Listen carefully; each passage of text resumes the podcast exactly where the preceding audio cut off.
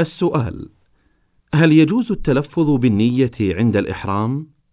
الجواب لا يشرع للمسلم التلفظ بما نوى إلا في الإحرام خاصة لورودها عن النبي صلى الله عليه وسلم وأما الصلاة والطواف فينبغي له ألا يتلفظ في شيء منها بالنية فلا يقول نويت أصلي كذا وكذا ولا نويت أن أطوف كذا وكذا بل التلفظ بذلك من البدع المحدثة والجهر بذلك أقبح وأشد إثما ولو كان التلفظ بالنية مشروعا لبينه النبي صلى الله عليه وسلم وأوضحه للأمة بفعله أو قوله ولسبق إليه السلف الصالح.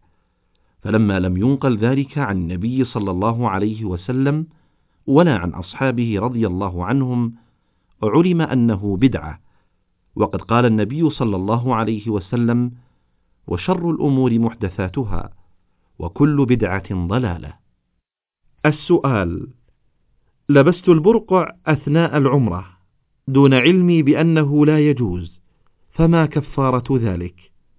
الجواب لما كان البرقع وهو النقاب من محظورات الإحرام فالواجب على المرأة في لبسه فدية وهي ذبيحة أو إطعام ستة مساكين أو صوم ثلاثة أيام ولكن شرط ذلك العلم والتذكير فمن لبسته وهي جاهلة بالحكم أو ناسية للإحرام أو للمحظور فلا فدية عليها إنما الفدية على المتعمد.